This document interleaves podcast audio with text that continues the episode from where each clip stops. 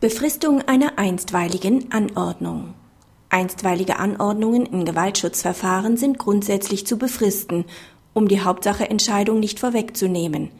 Die Bestimmung der Frist kann davon abhängen, ob eine wiederholte Verletzung von Rechtsgütern vorliegt.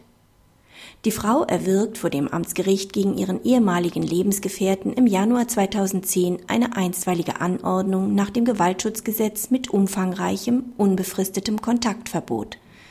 Das Amtsgericht bewertet bei der Entscheidung einen Sachverhalt aus dem Jahr 2008 mit und gelangt zu dem Ergebnis, dass im konkreten Fall ausnahmsweise keine Befristung in Frage komme.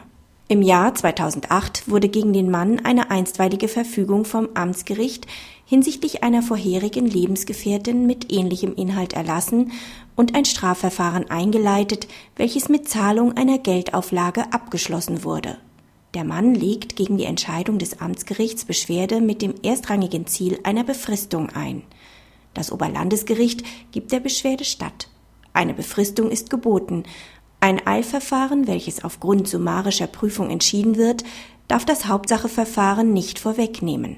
Nachdem in einem Eilverfahren nach dem Gewaltschutzgesetz die gleichen Anordnungen wie im Hauptsacheverfahren getroffen worden sind, ist die einzige Möglichkeit, um die Vorwegnahme der Hauptsacheentscheidung auszuschließen, die Befristung der Anordnung. Praxishinweis. Anordnungen nach 1 Gewaltschutzgesetz sollen in der Hauptsache ebenfalls befristet werden. Die Frist kann bei entsprechendem Antrag sowohl bei der Hauptsache als auch bei der einstweiligen Anordnung verlängert werden.